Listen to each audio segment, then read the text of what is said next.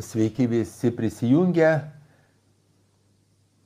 Šiandien mes kalbame apie vieną žmogiškai reiškinį, kurį labai daug žmonių vertina kaip didelę vertybę ir, kaip galim sakyti, didelę darybę, bet mes kalbėsim ne apie tai, koks tai yra geras dalykas, bet matysim ir minusus, ir trūkumus, ir kaip su tuo reiškiniu mes galim tvarkytis psichologinė prasme. Ir aš šiandien labai džiaugiuosi, kad mes turime mūsų transliacijoje psichologę, psichoterapeutą Rositą Kanapetskaitę. Taigi mes kalbam apie perfekcionizmą. Ir aš žinau, kad tu šitą temą labai domiesi, jau ilgą laiką daug dirbi ir vedi daug mokymų ir seminarų, tai labai labai būtų įdomu žinoti tavo mintis, idėjas ir refleksijas.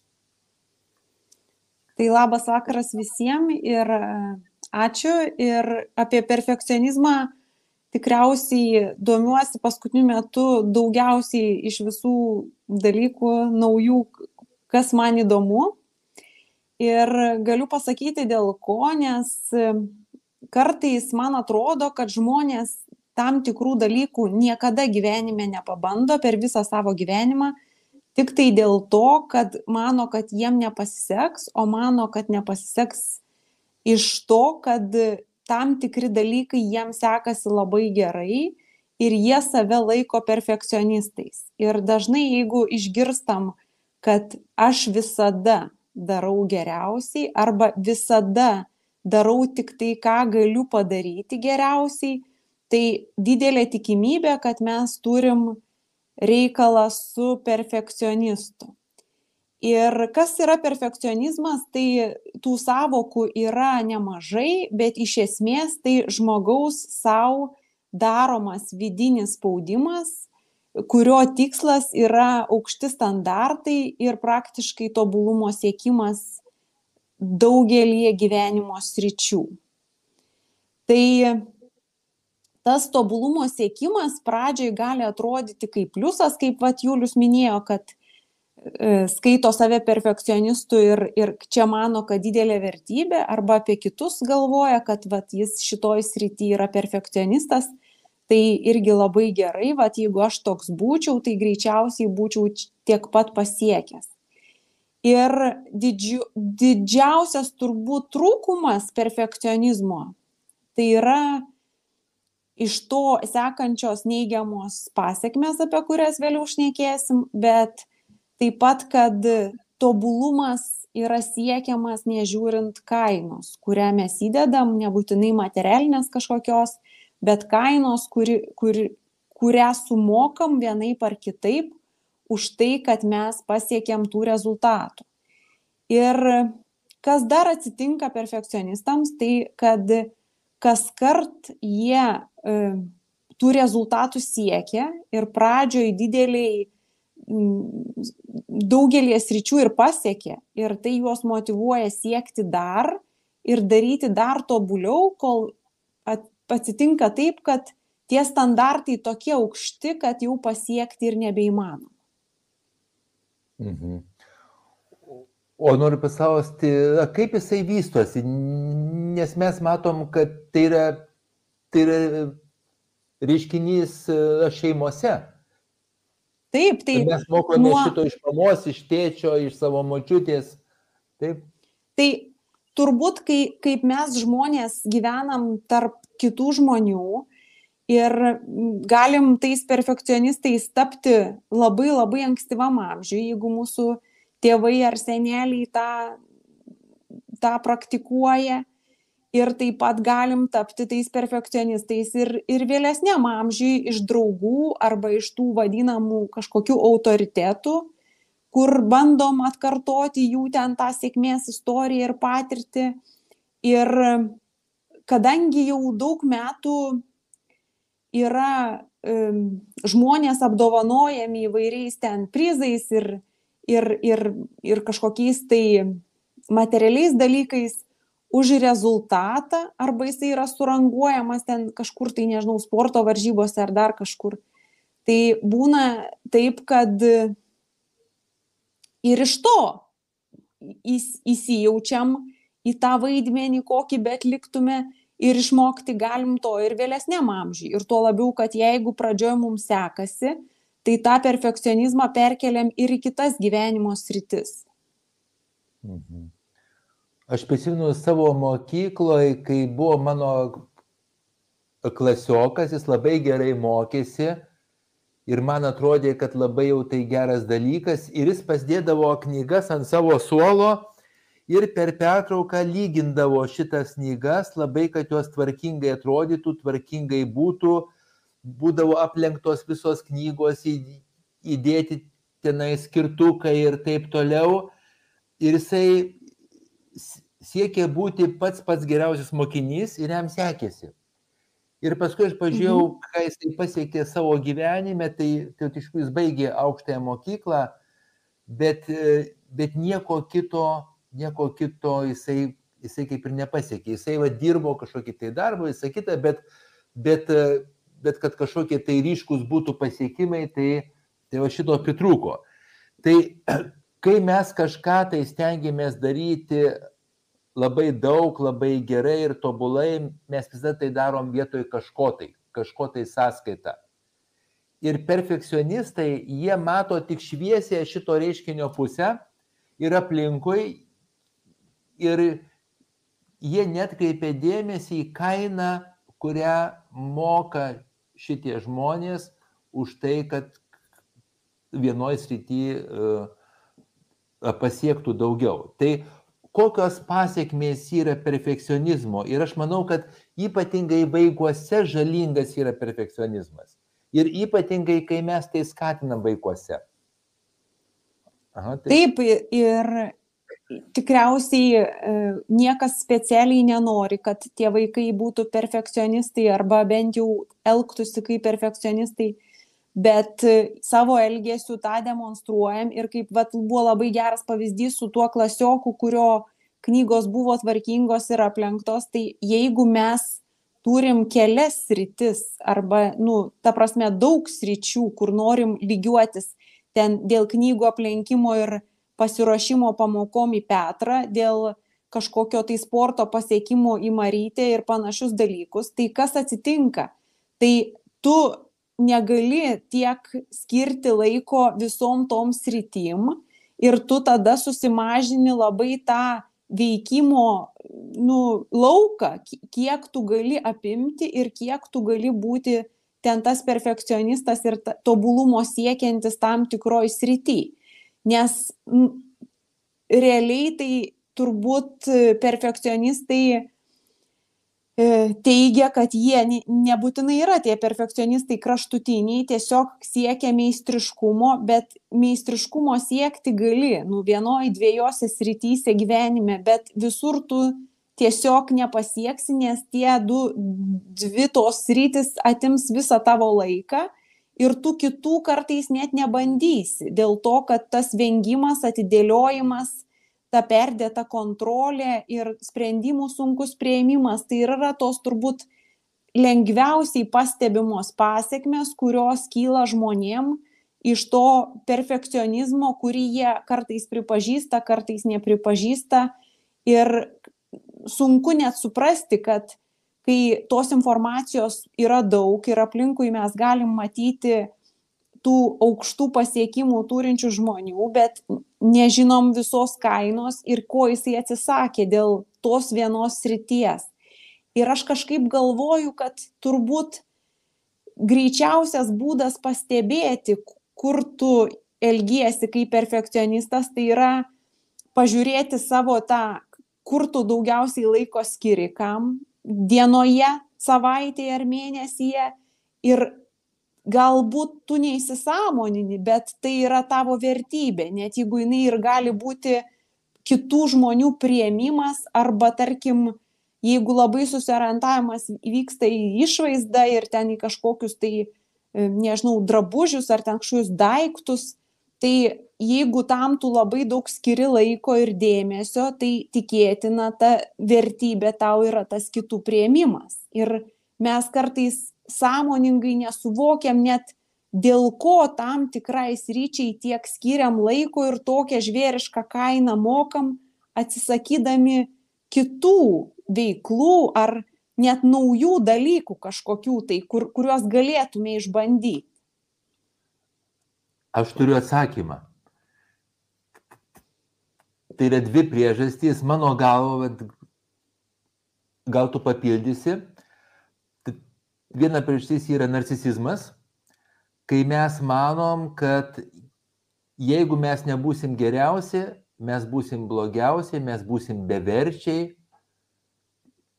ir mes savęs negerbsim ir mūsų niekas negerbs. Antra priežastis yra obsesyvumas mūsų, kai mūsų galvose yra labai griežtos taisyklės ir labai griežta tvarka ir mes manom, kad visus daiktus ir reikalus mes galim tvarkyti tik tai tam tikrų labai gerų būdų.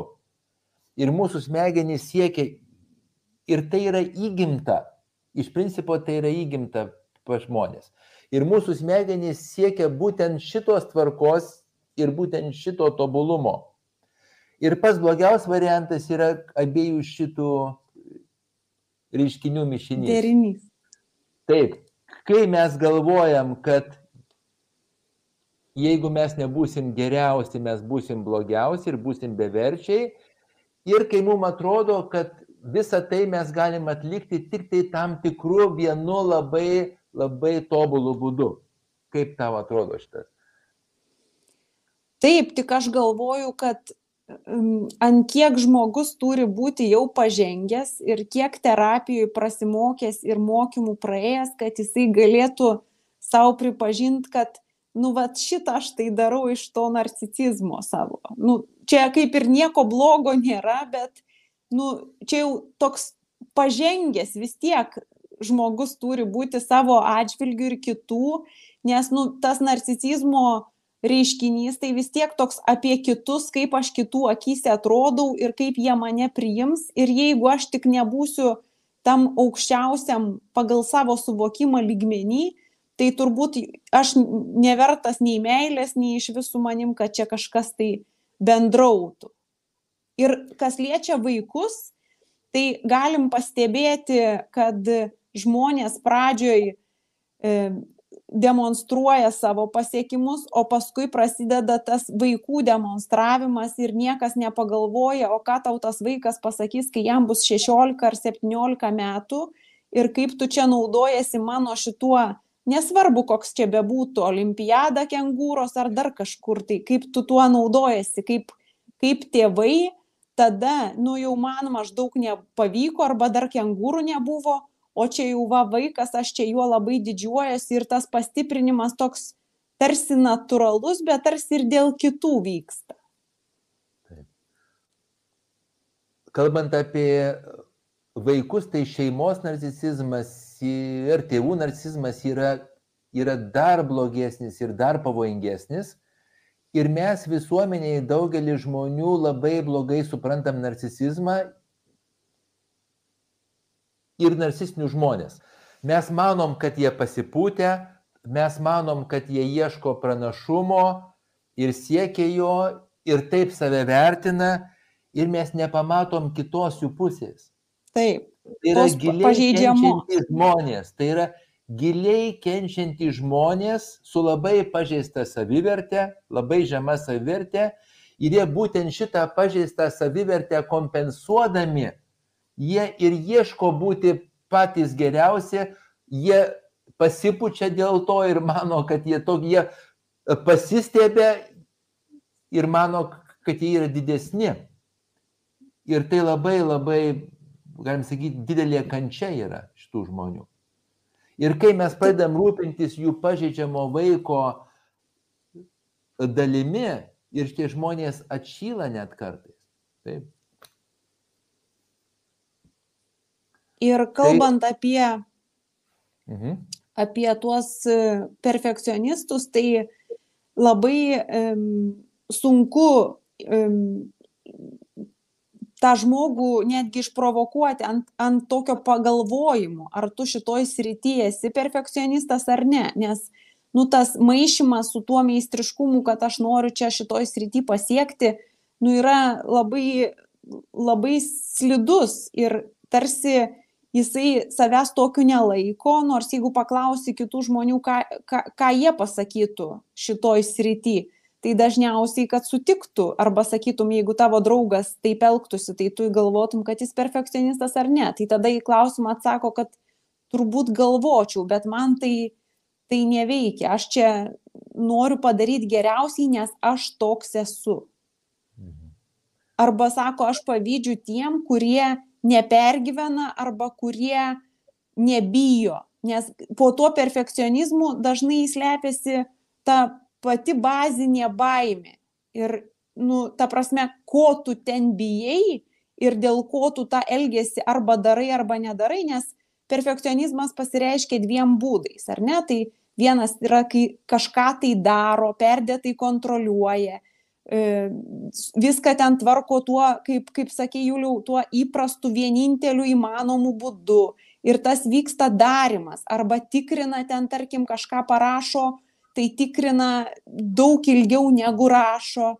Ir tų veiksmų, tų, tų ir obsesyvių, ir, ir, ir iš vis darimo, tvarkymo ir panašiai yra labai daug. Ir kitas būdas būti tuo perfekcionistu tai yra vengimas, kad tu atidėdi sprendimą, tu negali deleguoti.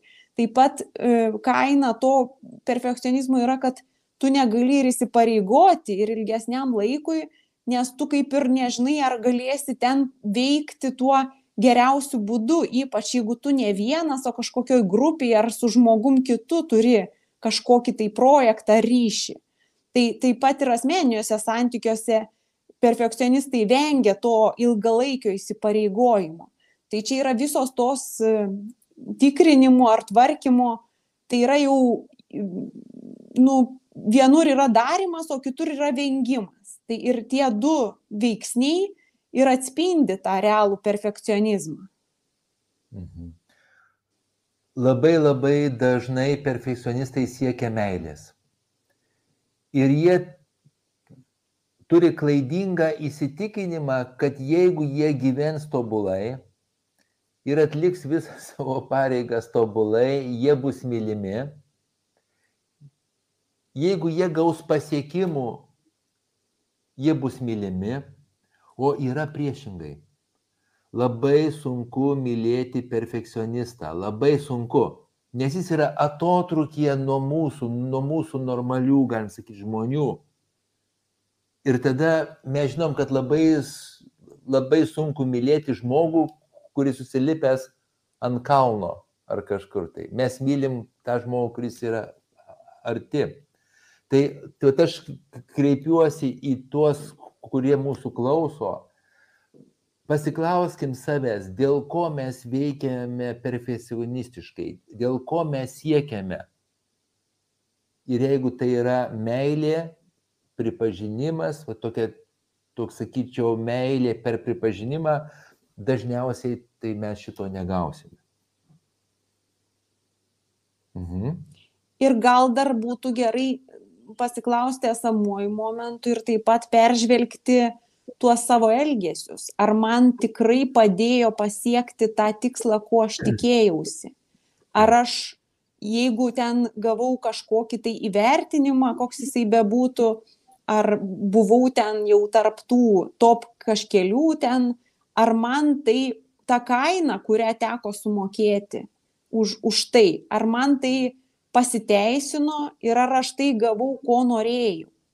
Tai ir, ir retrospektyviai taip pat galima pasitirinėti savo tuos elgesius arba tą taip pat vengimą. Kita vertus, man turbūt iš perfekcionizmo reiškinio tai baisesnis netgi yra tas vengimas, kad tu labai daug ko nepabandai. Kad mhm. nori, bet nepabandai tiesiog niekada gyvenime, nes nu, tas gyvenimo laikas tai ribotas resursas dėl to, kad galvoji, kad kažkada ateis tinkamas momentas, turėsi jūrą laiko ir tada jau vat galėsi ten kažką, ką be nuspręstum. Ar ten nauja tema įrašyti kažkokį įrašą, ar parašyti knygą, ar ten įrašą blogį, ar nu kažką tokio.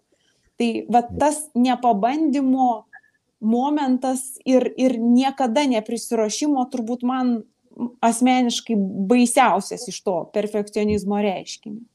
Mhm. Aš duodu tris klausimus perfekcionistams.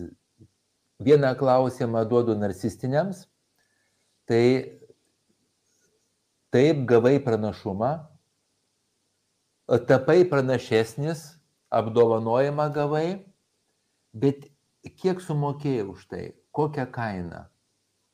Ir ar ta kaina iš tikrųjų yra verta, jeigu žiūrint per visą savo gyvenimą, parašysi anankapio savo.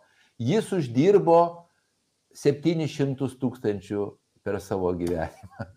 Arba jisai tenais, nežinau, padarė tą ir tą. Ir anankapio. Yra labai geras pratimas užrašas anankapio ir 80-mečio e, gimtadienis. Iš tikrųjų, kas tada mums bus vertybinga, kas, kaip mes vertinsim savo gyvenimą tuo metu. Antras klausimas yra obsesyviem. Ar tai, kad tu padarėjai viską tiksliai ir laikydamasi taisyklių, irgi sukūrė kažkokią ypatingą vertę ir kokią kainą atlikai tai. O bendrai ir tiems, ir tiems yra geras klausimas, ko tu nepadarėjai, kad padarytum tai perfekcionistiškai, vad ką tu sakai, Rosita. Ko tu nepadarėjai, kas tau svarbu, kas tau labai svarbu santykiuose, ypatingai santykiuose ir santykius su savo artimaisiais, ir santykiuose su savo kūnu, santykiuose su savim pačiu. Ko nepadarėjai? Mhm. Arba tas trečio klausimo toks perfrazavimo pratimas gali būti, ką tu darytum, jeigu žinotum, kad tau tikrai pasiseks pasiekti tą. Tai ką tu darytum, ko, ko, ko dabar vengi arba atidėlioji dėl savo šitų ypatumų tokių, kad viską darai tik tai geriausiai. Mhm. O tiems, kurie siekia, bet ypatingai versle man tenka užduoti klausimą verslininkam, o kaip tu elgsiesi, kai pasieksi tai. E, kas tada bus? Čia, žinot, yra klausimas, dirbsiu, dirbsiu, uždau, uždirbsiu milijoną ir gulėsiu savo ir nieko nedirbsiu. Tai, tai galima sakyti, o kam tau, kam tau uždirbti milijoną ir dabar gali gulėti, ar ne? Tai, yra labai labai geras klausimas, ką tu veiksi pasiekęs šitą savo tikslą nes mes atsiremsim į artimus santykius, intimius santykius su savo šeima, su savo nariais, su savo gyvenimu ir taip toliau. Ir tam visiškai nereikia labai dėlių pasiekimų. Mhm. Tai aš manau, kad e, labai gerai čia nais, tas klausimas yra, o kas po to, ir dar taip pat kad jeigu jau tu apsisprendei siekti ten to meistriškumo arba tobulumo šitoj srity tai kas tada jeigu nepasieksi irgi? Nu tai o jeigu tau nepavyks tai nu koks katastrofinis scenarijus jeigu nepavyks ir ar verta bandyti ir galbūt tą pač patirtį galima pritaikyti paskui kitose srityse ir ir su tuo gyventi mhm Ir mes turim klausimą, vieną tokį beveik jau pasipiktinimą, kad, e, kad mes kalbam apie neigiamus dalykus, matai klausimą. Taip, Aha. ir jo, tai, tai aš atsakyčiau, jeigu nebūtų perfekcionistų, būtų labai liūdna, olimpiadų nebūtų, sporto varžybų Taip. nebūtų, koncertų nebūtų, verslo nebūtų, daug ko labai nebūtų, labai daug ko nebūtų. Bet mes turim pažiūrėti, kad tie žmonės tam, kad mus linksmintų ir mus džiugintų ir mus galbūt maitintų įvairiausiom prasmėmis, labai daug sumoka. Ir mes galim rinktis. be jokios abejonės per, per, perfekcionizmas yra labai gražus, žiūrint iš šono, bet mes esam Rosita matę jį iš vidaus. Ir kai dirbam su savo klientais, aš atsimenu, viena klientė atėjo, kad jinai turi žemą savivertę, nepasitikė savimi. Ir aš jos prašiau, kad jinai atsiųstų man savo pasiekimų sąrašą. Jis atsiuntė dešimt puslapių, tarptautinių visokių konkursų laureatė, ten ir nugalėtoja ir taip toliau, ir taip toliau, ir taip toliau. Kiek ten visko yra prikūrusi, jinai menininkė.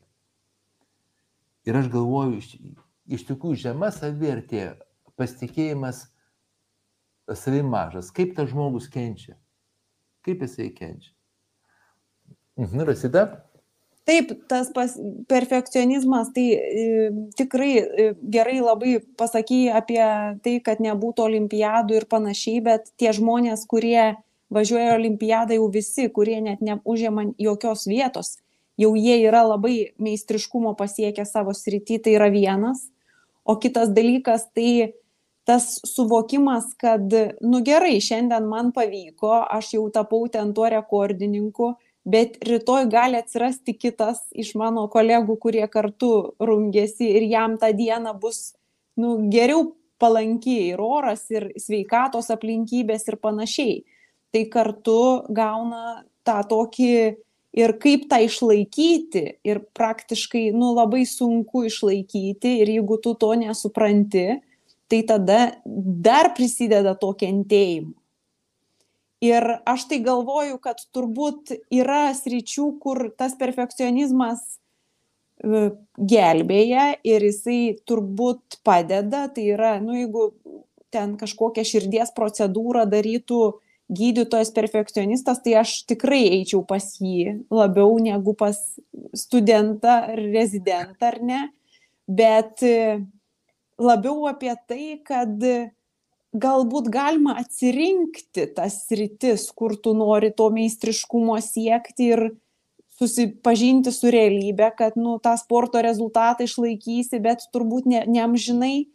O kitas dalykas tai atsikratyti tų sričių, kuriuose galima ir pakankamai vidutiniškai e, funkcionuojant gerai gyventi ir niekaip tas antkapis nepasikeis ar 80-mečio gimtadienis, nes kartais perfekcionistai į pasiekimus taip susiorientuoja, kad gali būti, kad to 80-mečio tai sulauks vienas, nes aplinkiniai neištvers to, nu, to varimo tiesiog gyvenimo keliu ir, ir nu, ne, nebeišbus su tuo žmogu.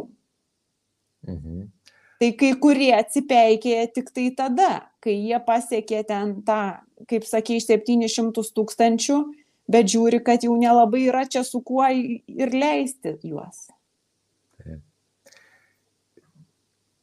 Dar gal vieną komentarą. Tai aš noriu pasakyti, aš nežinau, kaip tu Rosita, bet aš esu perfekcionistas kai kuriuose srityse. Aš įtariu, kad ir tu esi ir mes nesam prieš meistriškumo siekimą. Ir mes nesam net, nu, nu, bent aš nežinau kaip tu, bet aš nesu už tai, kad žmonės siektų kažkurioje tai srity aukščiausio rezultato, ten, kur gali. Bet aš esu už tai, kad jie, e, kad jie nesigailėtų to ir kad, ir kad tas jų džiaugsmas būtų tvarus ir kad jie visą laiką galvotų, kad aš tikrųjų sumokėjau tinkamą kainą už tai, ką gavau. Ir tas praturtino mano gyvenimą, bet aš nepleidau savo gyvenimo pro šalį. Bet mano klinikinė patirtis rodo, kad labai dažnai ateina žmonės, kurie sako, aš 10 metų siekiau, arba 20 metų. Ir Tai, ir aš jaučiuosi, kaip, kaip aš juos pradau. Mhm. Tai aš irgi visiškai pritariu tam, kad turbūt mes e, taip pat turim sričių, kur galim save vadinti arba kiti mus tikrai pavadintų perfekcionistais. Ir e, tik tai, man atrodo, svarbu savo atsakyti klausimą, kuriuose srityse tu sieki to perfekcionizmo ir nors tu ką, ir kur tu darai 100 procentų, o kur gali daryti ir 70 ir 80. Nes jeigu tu tam tikrose srityse leidi savo daryti mažiau, 70, 80 ir belia kaip, kaip visi žmonės, nu, nedaugiau negu vidutinis Lietuvos pilietis, tai tau atsilaisvina laiko ir kūrybinių minčių ir netgi resursų tam tikrų, kad tu toj srity, kuri tau tikrai yra vertybė, to nu, maksimalaus rezultato ir siektum. Tai mhm. Tai aš irgi manau, kad čia iš vis nieko, nieko blogo tame nėra, tik tai tie, kad kai jau tai pereina į daugelį sričių ir apima visą gyvenimą, tai tada tu nu, negali ir tos vienos kažkokios, tai ar dviejų pasirinkti ir, ir ten siekti. Mhm. Aš visą laiką populiarinu pareto principą šitoj vietoj, kuris vadinasi 20-80 taisyklė, kad, kad 20 procentų pastangų duoda 80 procentų rezultato ir daugumoje gyvenimo sričių, daugumoje gyvenimo sričių mes galime siekti 20 procentų pastangų duoda 80 procentų rezultato ir būti patenkinti.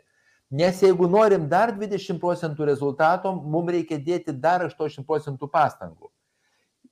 Ir tu pasakėjai labai gerai apie gydytojus. Ir aš irgi, man pirma mintis buvo, kad aš eičiau pas gydytoją, pas gydytoją perfekcionistą, bet po to aš prisiminiau keletą savo klientų gydytojų ir jie buvo labai užstrigę, nes vienas odontologas, atsimenu, buvo, jisai krapšydavo dantį vietoj valandos, jisai krapšydavo 2-3 valandas ir tam pacientui pakengdavo. Ir aš prisimenu vieną chirurgą, kuris irgi, irgi operuodavo tiek, kad nieks pasineidavo operuotis, nes reikia narkozę duoti.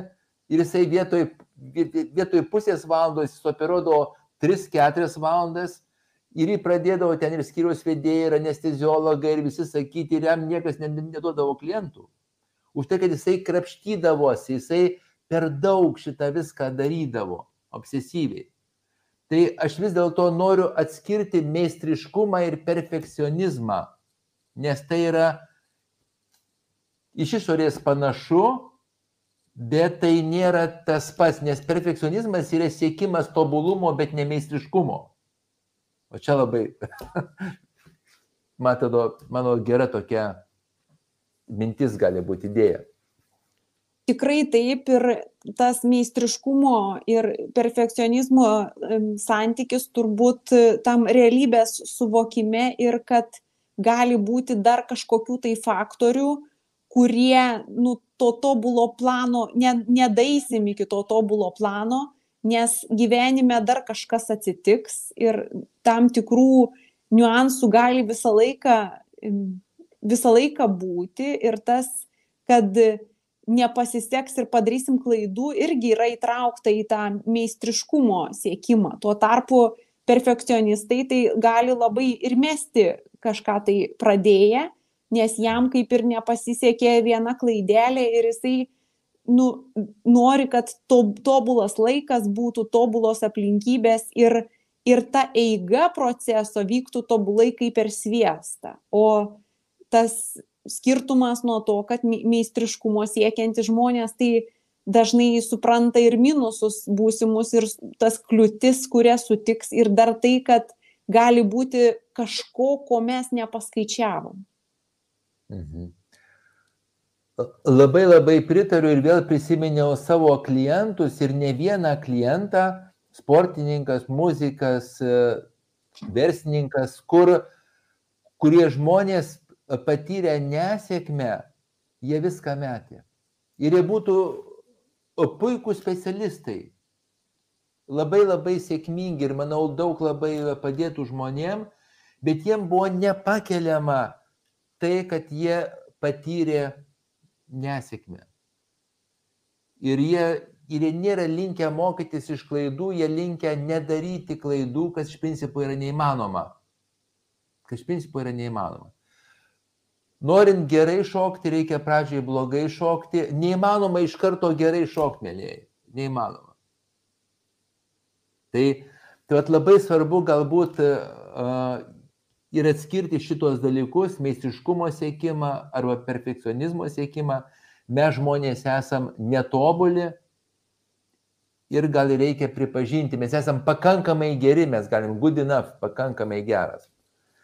Ir tada mes galime tiesiog pasi, pa, apsitarti dar, kuriuose srityse, va, tu matai, gal iš savo klientų, iš savo seminarų dalyvių ir taip toliau, pasireiškia perfekcionizmas labiausiai ir, ir kur labiausiai trukdo patiems žmonėms dar kartą ir galbūt artimiesiems ir vaikams čia mes turim klausimą.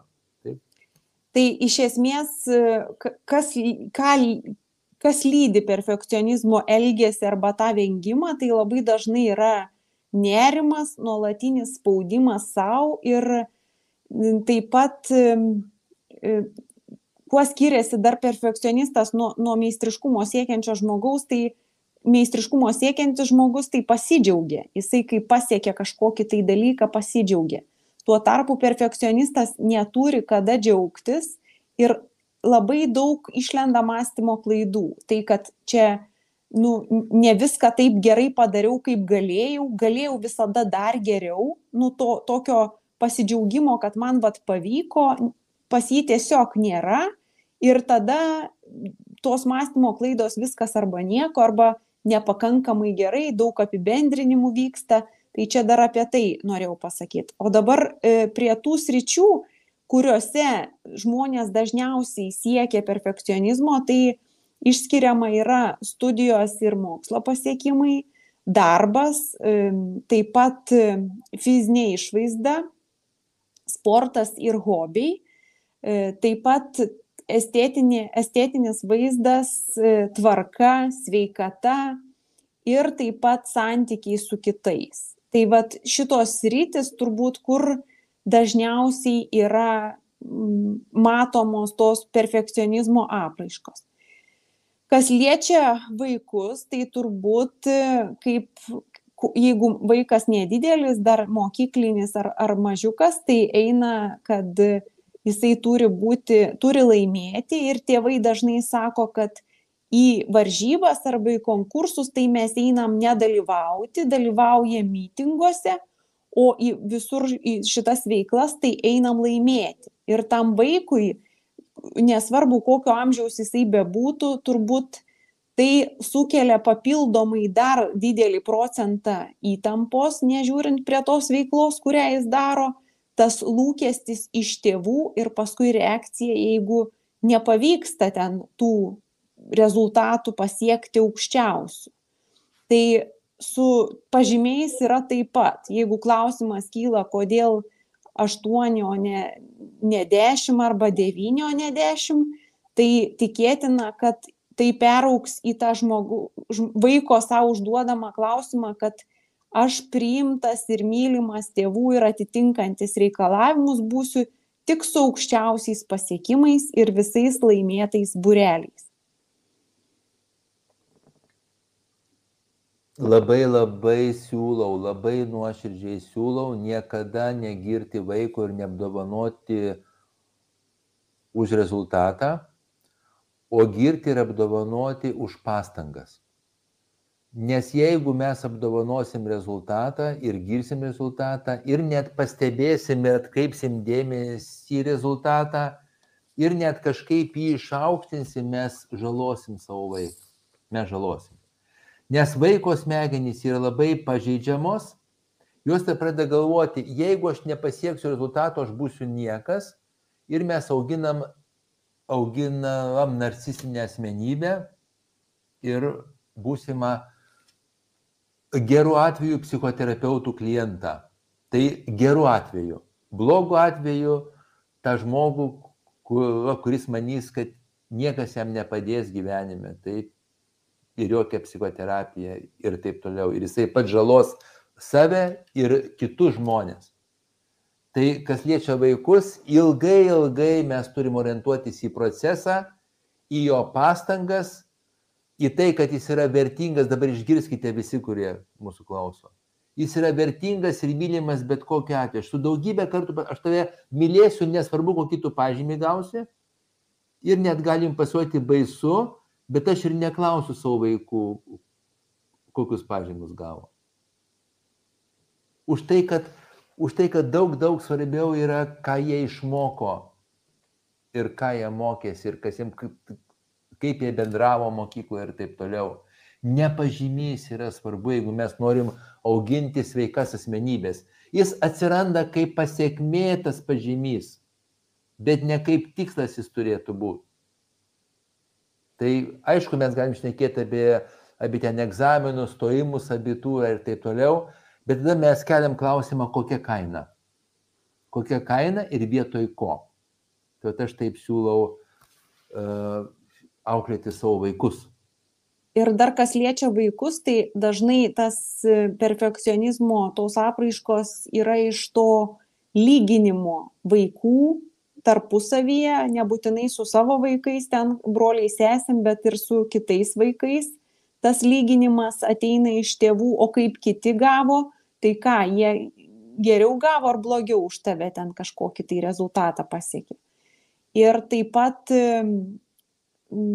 tas kritikavimas kitų vaikų dėl kažkokių tai ar blogų pasiekimų, ar labai jau ten jiem kaip pavyzdžio rodimas, tai turbūt nežinau, kaip Juliau, bet jeigu taip iš klientų, tai labai daugelis būna, kad pasakoja, kaip jie buvo lyginami su kažkokiais tai kaimynų ar ten kitų, kitų žmonių vaikais ir kaip juos tai veikia ir kad tai tikrai palieka, palieka įspaudus tuos. Daugybė mano klientų buvo net nekritikuoti savo tėvų, bet jų mama arba tėtis kritikavo kitus vaikus. Tai per storas, tai nėra graži, tai tenais netvarkinga, tai blogai mokosi, tai ten išdykęs, tai vėl. Ir tas vaikas jaučia įtampą, kad jeigu aš būsiu toks pat kaip tas vaikas, jeigu aš nesielgsiu taip, kad įtikčiau savo tėvam, aš ta būsiu nepriimtas ir atmestas ir būsiu nemylimas.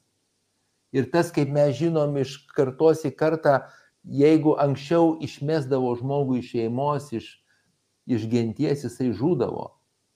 Pas mus yra įgimta biologinė baimė būti atmestam.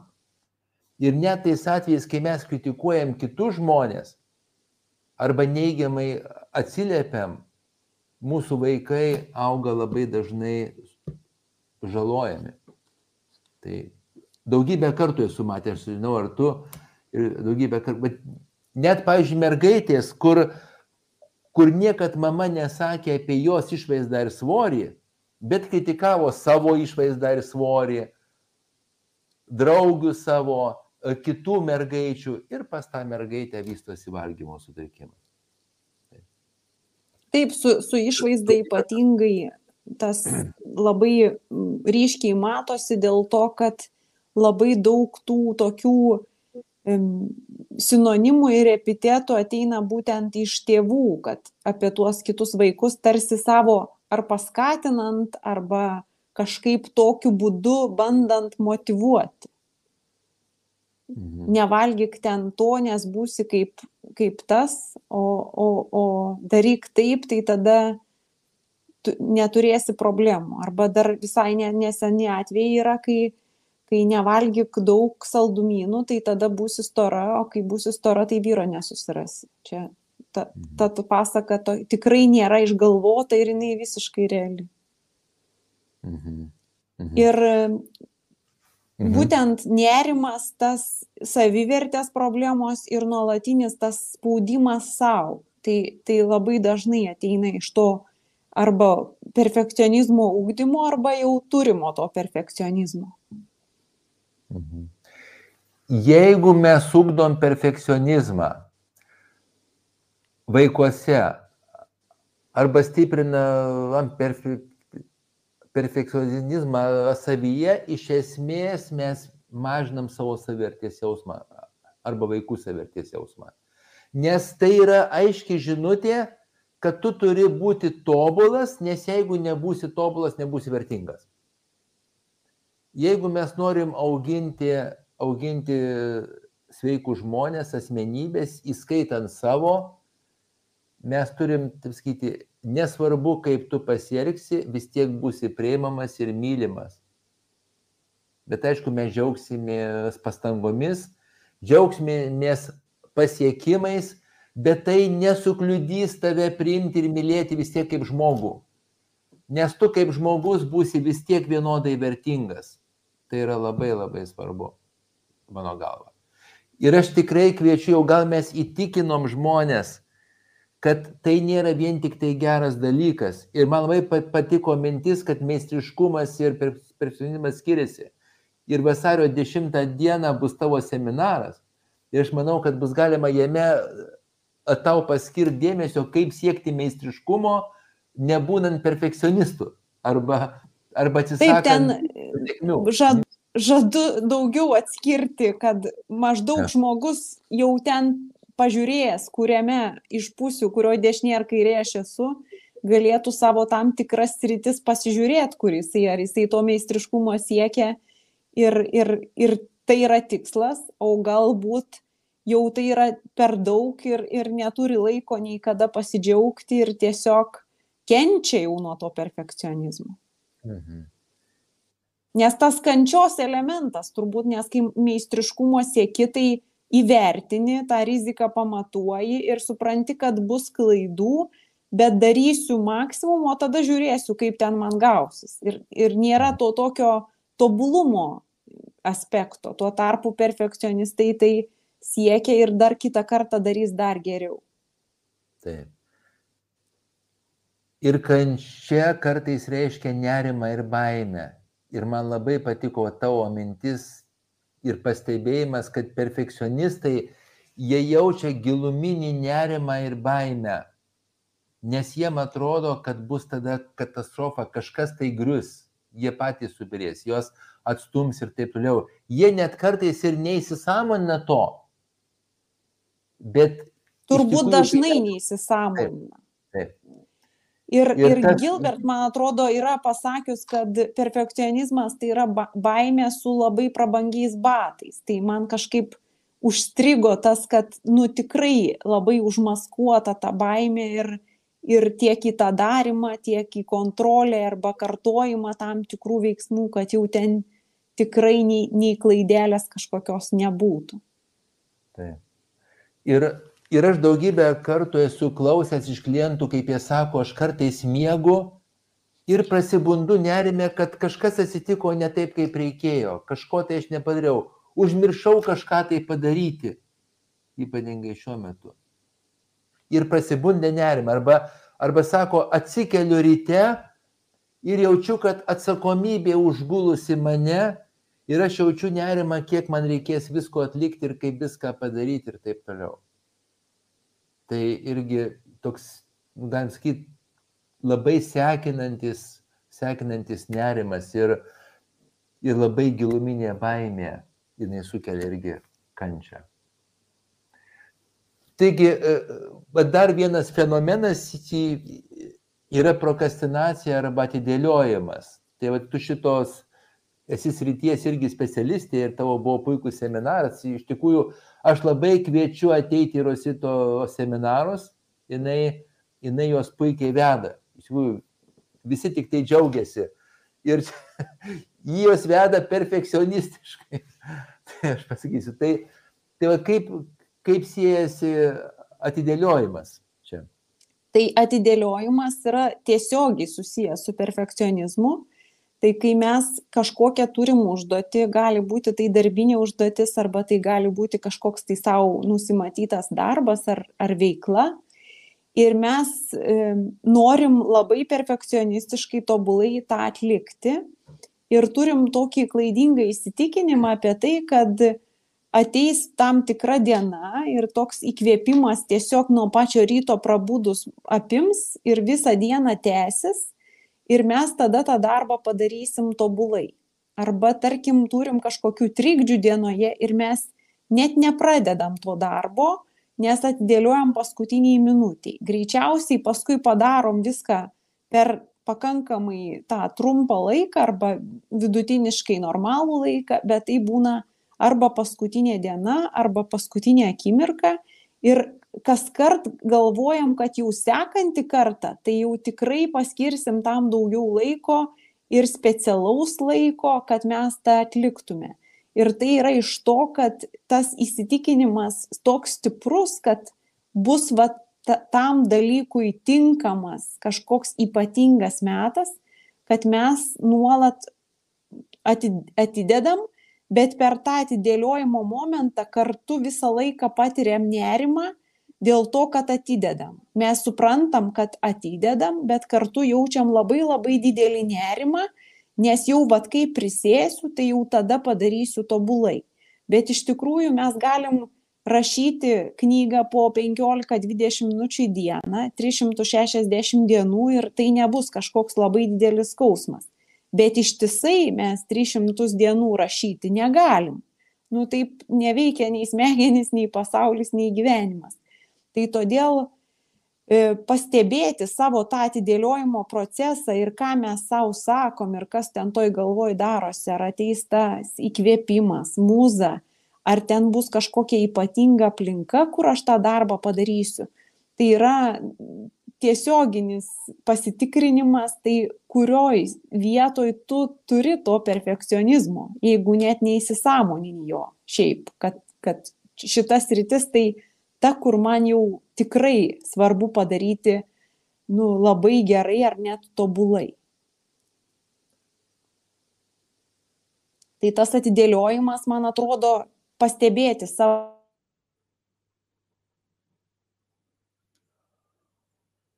dingo Rosita.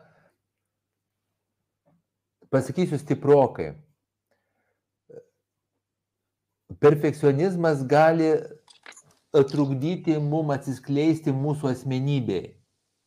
Nes mes esam daug daugiau negu kažkoks tai atlikimas labai tobulas ir geras, kažkokio tai darbo arba veiklos.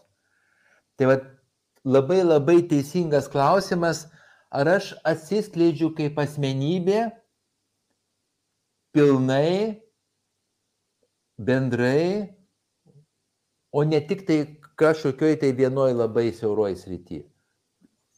Buvai dingusi, buvai dingusi. Mhm, kažkas čia buvo su, su ryšiu. Taip, taip tai Tai dar vieną temą aš labai norėčiau paliesti ir labai aktuali, tai yra mūsų vidinis kritikas arba, arba kritika. Tai nes mano galva labai labai susiję dalykai perfekcionizmas ir, ir kritiniai balsai. Tikrai taip ir mes kartais savo labai esam kritiški ir savo kažkokius tai veiksmus, neveikimą arba atrodymą, vaizdą labai kritikuojam ir netgi agresyviai galima pasakyti, kad tas kritikas veikia, e, kad savo atžvilgių mes elgiamės nu tiesiog žiauriai. Ir galim taip pat išskirti tam tikras rytis ir kiek save kritikuojam. Blogiausia yra žmonių, kurie kalbant apie priėmimą savęs, ar ten atjautą, ar, ar, ar savo meilę kažkokią, tai net jie net tokių minčių ir to balso net neturi. Tik tai vien, tik tai tas kritikas, kad tu kažkoks netinkamas, negeras, nevertas ir, ir, ir panašus dalykai. Tai taip pat šitos kritikos apraiškos būdingos perfekcionistams ir dar viena tokia alternatyva, kad jeigu labai kritikuoji save agresyviai, tai tikėtina, kad ir kitus labai kritikuoji. Nes ir išorė, ir kaip įmanoma gali ir tiesiogiai kritikuoti, ir dabar šiai dienai komentarus gali kažkokius tai rašyti ir panašiai, ir žmonės tikrai tą daro. Tai jeigu kritikuoja kitus, tai žinokit, kad jie taip pat kenčia nuo savo tų kritikų, kurie yra tikrai agresyvūs. Mhm. Labai labai sunku gyventi žmonėms, kurie atkreipia dėmesį visų pirma ir į tai, kas neigiama, kas yra netobula. Taip jau labai sunku gyventi. Nes tu matai visą laiką, kad pasaulis netobulas, o jisai toks ir yra pasaulis netobulas. Bet pasaulyje yra labai daug visko už tobulumo ribų, už netobulumo ribų šito. Pasaulyje labai daug gražių dalykų. Bet jeigu mūsų smegenys ieško pranašumo, obsesyvumo, tobulumo, tai mes visą laiką gyvenam nepasitenkinime ir mes, ir mes visą laiką gyvenam negatyvę. Ir tai yra, įsivaizduokit, kad mes visą laiką kalbam apie tai, kaip mūsų rankos nešvarios vietoj to, kad, vietoj to, kad jas naudotumėm kažkam tai ten glostyti savo kūdikį. Tai, tai, tai, tai va čia labai svarbu. Ir mes turim klausimų, jau gal galime mes pereiti prie, prie klausimų, dar keletą klausimų, bet aš, aš tikrai kviečiu nuoširdžiai ateiti į seminarą, ten bus labai giliai nagrinėjami daug, daug klausimų, kurie padės tiem žmonėm kenčiantiem, jaučiantiem nerimą, jaučiantiems baimę, jaučiantiems žemą savivertę, kaip išeiti šito, iš to užburto rato. Nes tai sekina, tai mus, tai mus gramzdina. Ir dabar apie, apie patarimus, kaip mažinti perfekcionizmą, tai, tai jų gausa bus seminare, bet mes keletą jų jau pasakėm. Ir labai svarbu.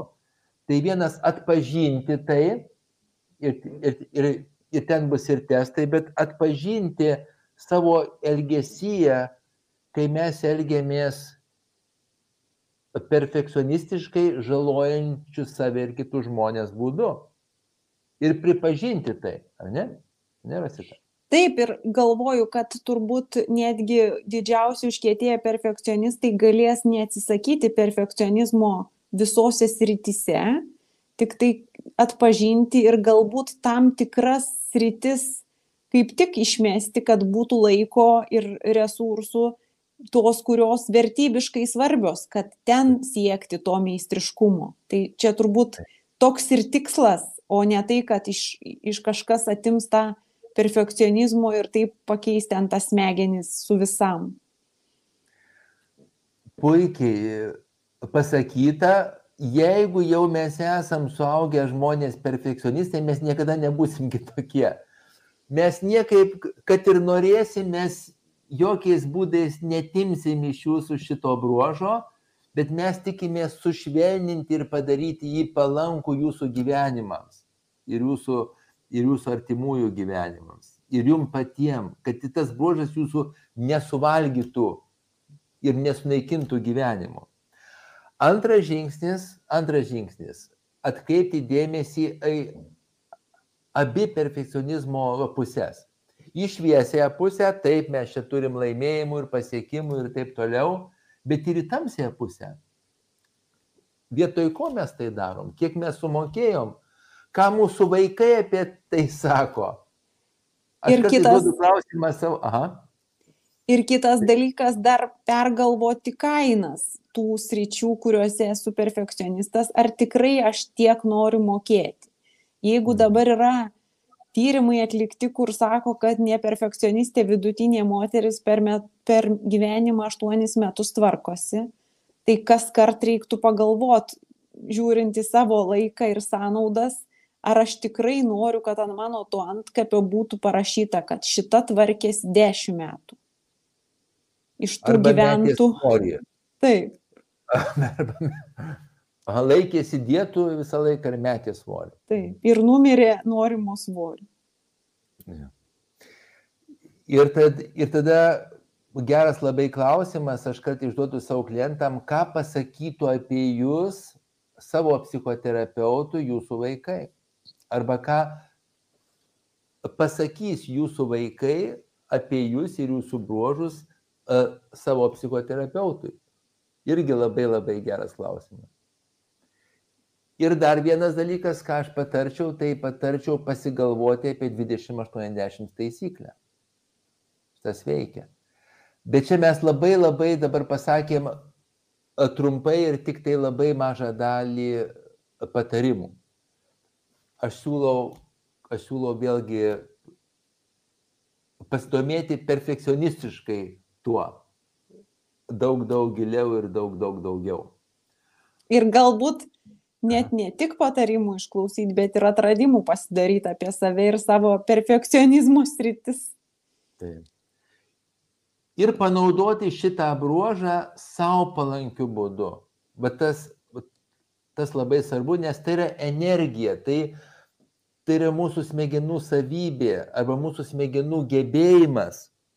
Bet kaip ir daug bruožų jis gali turėti šviesią pusę ir tamsią pusę, žiūrint, kaip naudos. Tai, tai lyg tai daugiau mes klausimų tokių neturim, čia lyg, lyg ir atsakėm, dar vienas terminas, gerbimai Robertai, kaip mano atsakymas būtų, kad iš anksto planuoti ne perfect, bet good enough. Iš anksto planuoti, duoti pakankamai gerą rezultatą, bet netobulą rezultatą ir savęs pasiklausti, kaip matuočiau pakankamai gerą rezultatą, kas tai rodytų. Ir mes kartais psichoterapijoje sakom taip, kad e, daugiau gerai negu blogai. Tai irgi yra toks geras rezultatas. Gyvenu daugiau gerai negu blogai. Arba jaučiuosi daugiau gerai negu blogai. Ir tada gal galim apie, ai dar yra, aha, dar yra, dar yra klausimų, Rosita. Gal tada į klausimus, jeigu tu turi, ar tu matai tos Turiu, klausimus? turiu, matau. Čia, čia yra daugiau klausimų, tai, tai gal tada dar tu atsakytum kažką tai. Ar padėtų išmušti perfekcionizmą nedarant darbų iki tobulumo, kaip atrodo, kad dar nėra tobula imti ir palikti, o ne, neglūdinti iki negaliu. Tai taip paprastai čia neišsimuša tas perfekcionizmas ir iš pirmo karto gali nepavykti, bet jeigu jūs atrandat sritis, kur, nu, vat, galit sau leisti būti netobulu ir negeriausiu, tai tiesiog eksperimento būdu galima bandyti, kad ne tai, kad paliksiu, mėsiu ir neužbaigsiu to darbo, bet galbūt padarysiu per trumpesnį laiką, ne- netikrinsiu septynis kartus, užteks dviejų ir panašiai, ir mažinant tą žingsnį ir resursus, kiek ties tuo užtrunkat. Tai tikrai tas įmanoma, bet tas praktikuo, praktikavimo būdu pavyksta. Mhm. Mačiau klausimą, ar perfekcionistai yra paranoikai ir kokiems psichotipams būdingas tobulybės siekis, tai, tai ne, ne paranoikai. Jeigu jau mes tą žodį naudosim jau tokia uh, prasme griežtąją, tai jokių būdų ne, bet mes ir aptarėm du šitos asmenybės tipus. Tai va būtent šitiem dviem. Aha, Ir dar, dar kažką noriu vieną klausimą atsakyti, kaip, kaip padėti savo sustoti laiku ir jausti saiką darbų kiekyje ir norų padaryti per dieną ir per savaitę. Tai čia labai padeda ta dienos ar savaitės inventorizacija, kai mes pasižiūrim, kam mes daugiausiai laiko paskyrėm ir ar tikrai mes toms veikloms norim paskirti, nes šiai dienai būti užimtų ir neturėti laiko yra savotiška mada ar gyvenimo būdas. Tai čia jau, kai suprantat, kad taip gyventi nebenorit ir ne, nenorit to, tos vertybės ant antkapio, kad jisai gyveno neturėdamas laiko ar ten poilsio, tai tada ateina tas akistata su savim ir savo diena ir tai kur tas mano laikas nueina ir kiek ten kam aš skiriu laiko ir ar aš tiek noriu. Ir bendram gyvenimo kontekste, kai pasiskaičiuoji, tai tada palengvėja ir gali apsispręsti lengviau, kurį čia, kurią sritį palikti taip, kaip išeis arba netobulai, o kur vis tik siekti to meistriškumo. Niekad, niekad nesakykim, kad neturim laiko. Niekada, nes tai yra neteisybė, nes mes visi turim vienodai laiko, bet mes nepaskiriam laiką ko kažkam tai, taip, ir tada paskiriam kažkam tai. Mes visi turim 24 valandas, taip, visi, absoliučiai. Tai va tas labai svarbu. Ir dar, ir dar buvo klausimas vienas, jeigu stengiasi, stengiasi, aš dabar jau neatsimenu tiksliai, kaip ten buvo sformuoluota, bet tau nepasiseka. Tai atsakymas mano būtų toks, tai tada labai geras dalykas yra staptelt ir pasiklausti, ko, ko aš pasimokiau šituo atveju. Nes sėkmingą žmogų nuo nesėkmingo skiria tik tai bandymų ir klaidų skaičius, jau mes tą žinom, aš tą sakau ir sakau, tai mes tik tai galim mokytis iš savo, iš savo klaidų. Ir tie žmonės, kurie pasiekia daug, yra pridarę daug labai klaidų. Ir aš kartais duodu klausimą, kaip manot, Sabonės tėtis ar Sabonės sūnus daugiau kartų įmetė į krepšį ar daugiau kartų neįmetė?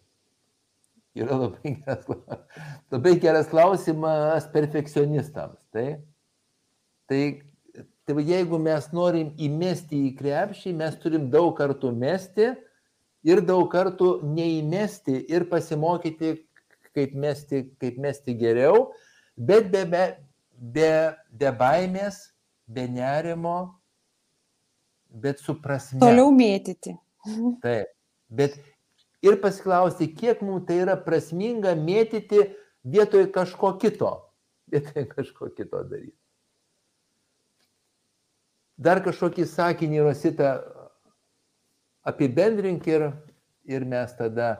Tai apibendrinimui, tai pasiskolinsiu Juliau tavo tą sakinį apie tai, kad tie, kurie perfekcionistais jau yra, tai tikėtina, kad jais ir liks, bet galim sumažinti sričių, kuriuose sieksim perfekcionizmo ir galbūt netgi daugelį iš jų pradėtume siekti meistriškumo, sužinojimų ir 30 procentų resursų nenumatytoms aplinkybėms. Ir aš pasakysiu vieną sakinį. Jeigu mes iš tikrųjų siekiame meistriškumo, tai labai dažnai mums reikia atsakyti perfekcionizmo. Čia toksai užsuktas truputį teiginys, bet jis turi prasmės irgi. Dėkoju labai Rositai. Ačiū. Labai labai, man atrodo, yra daug žmonės gali naudos gauti. Ačiū tau. Ir labai labai sakau ačiū mūsų žiūrovams, mūsų dalyviams. Labai labai dėkojame Jums, kad esate kartu ir iki.